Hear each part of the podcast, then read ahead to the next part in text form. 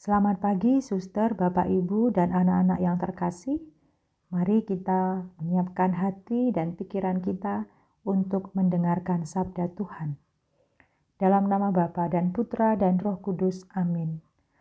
Bapa yang Maha Kasih, terima kasih atas hari baru yang boleh kami nikmati pada hari ini.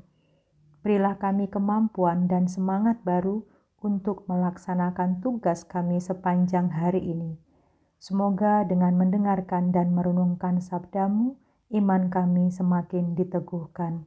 Amin. Inilah Injil suci menurut Matius. Dimuliakanlah Tuhan. Pada waktu Yesus dan murid-muridnya bersama-sama di Galilea, ia berkata kepada mereka, "Anak manusia akan diserahkan ke dalam tangan manusia, dan mereka akan membunuh Dia." Dan pada hari ketiga ia akan dibangkitkan. Maka hati murid-muridnya itu pun sedih sekali.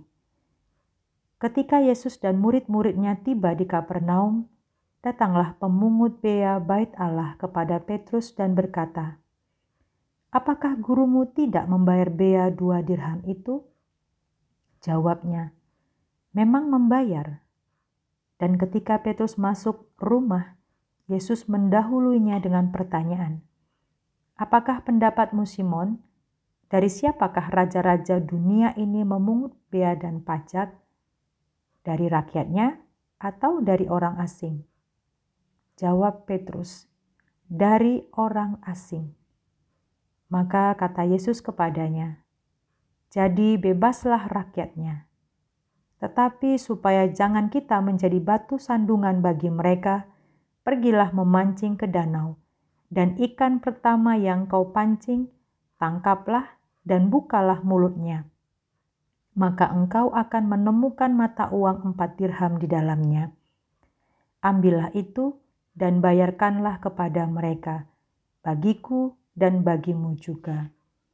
Demikianlah Injil Tuhan, terpujilah Kristus. Suster, Bapak, Ibu, dan anak-anakku yang terkasih, kita diajak untuk mengerti makna rohani apa yang dikatakan Matius. Yesus bukan berasal dari dunia ini, maka sebenarnya Yesus tidak perlu membayar pajak bait Allah karena ia sendiri adalah anak Allah.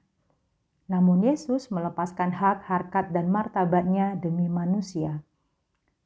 Ini adalah pintu masuk bagi Yesus untuk mengajarkan para murid tentang apa yang sejati dan apa yang tidak sejati, bahwa ada situasi yang tidak ideal yang sudah berjalan lama, dan para murid diajak untuk melihat mana yang benar dan mana yang tidak benar.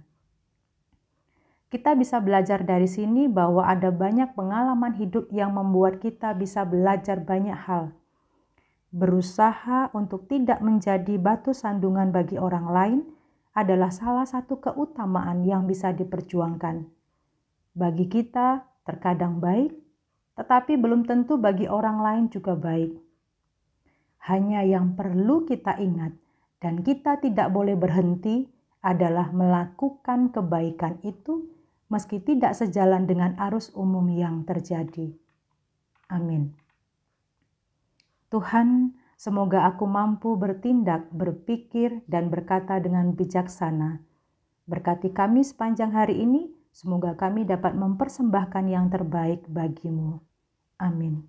Dalam nama Bapa dan Putra dan Roh Kudus. Amin.